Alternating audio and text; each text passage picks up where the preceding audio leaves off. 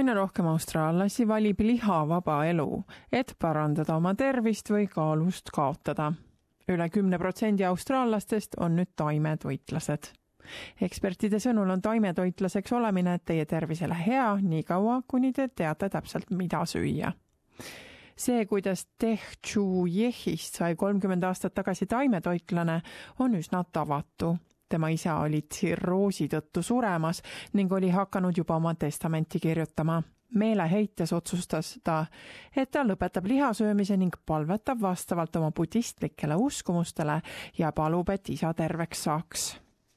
All my mind was to save my father's life, doing good deeds like uh, no killing other animals' life. So there's a merit for that, and that can be transferred to my to save my father's life tema isa elas veel kakskümmend kolm aastat, kuni ta üheksakümne üheksa aastaselt lõpuks suri.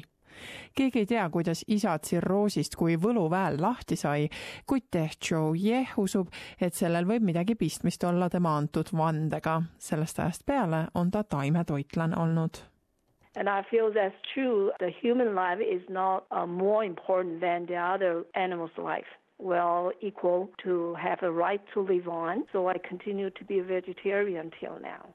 Tehjo Jehil endal pole olnud suuri terviseprobleeme ning ta ei võta ka toidulisandeid, selle asemel püüab ta toituda tasakaalustatult.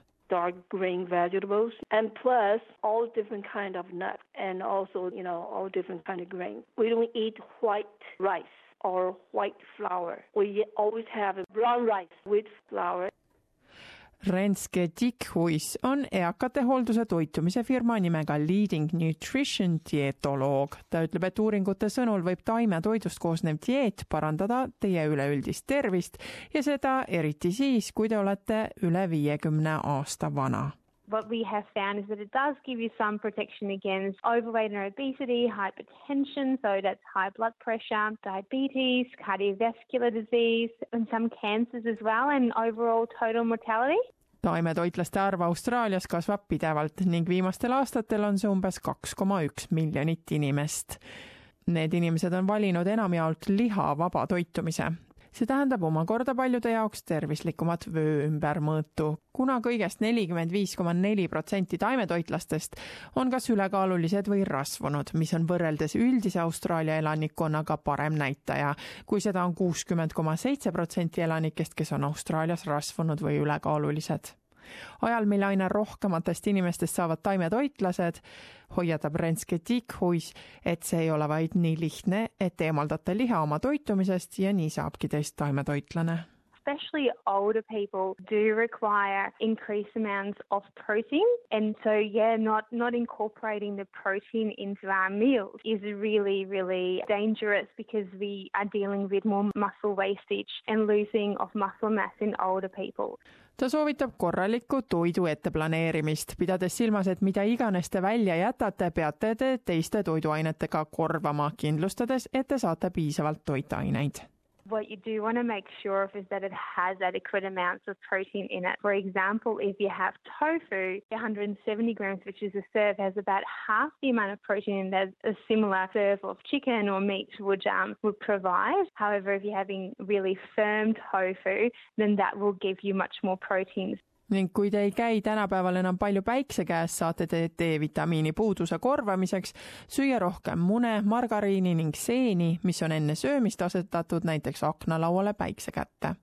Te peate sööma ka rauarikkaid kaunvilju, rohelisi lehttaimi ning raualisandiga toite, nagu seda on tofu, tempe, pähklid ning seemned. Te saate oma toidud huvitavamaks muuta, kui proovite retsepte teiste kultuuride köögist, nagu näiteks India, Vietnami, Tai või Hiina kööki There's also a lot of protein meat alternative products out there. So there are foods obviously based on like things like protein and tofu, soy and tofu and those sort of things. But there's also things like vegetarian burgers and vegetarian sausages.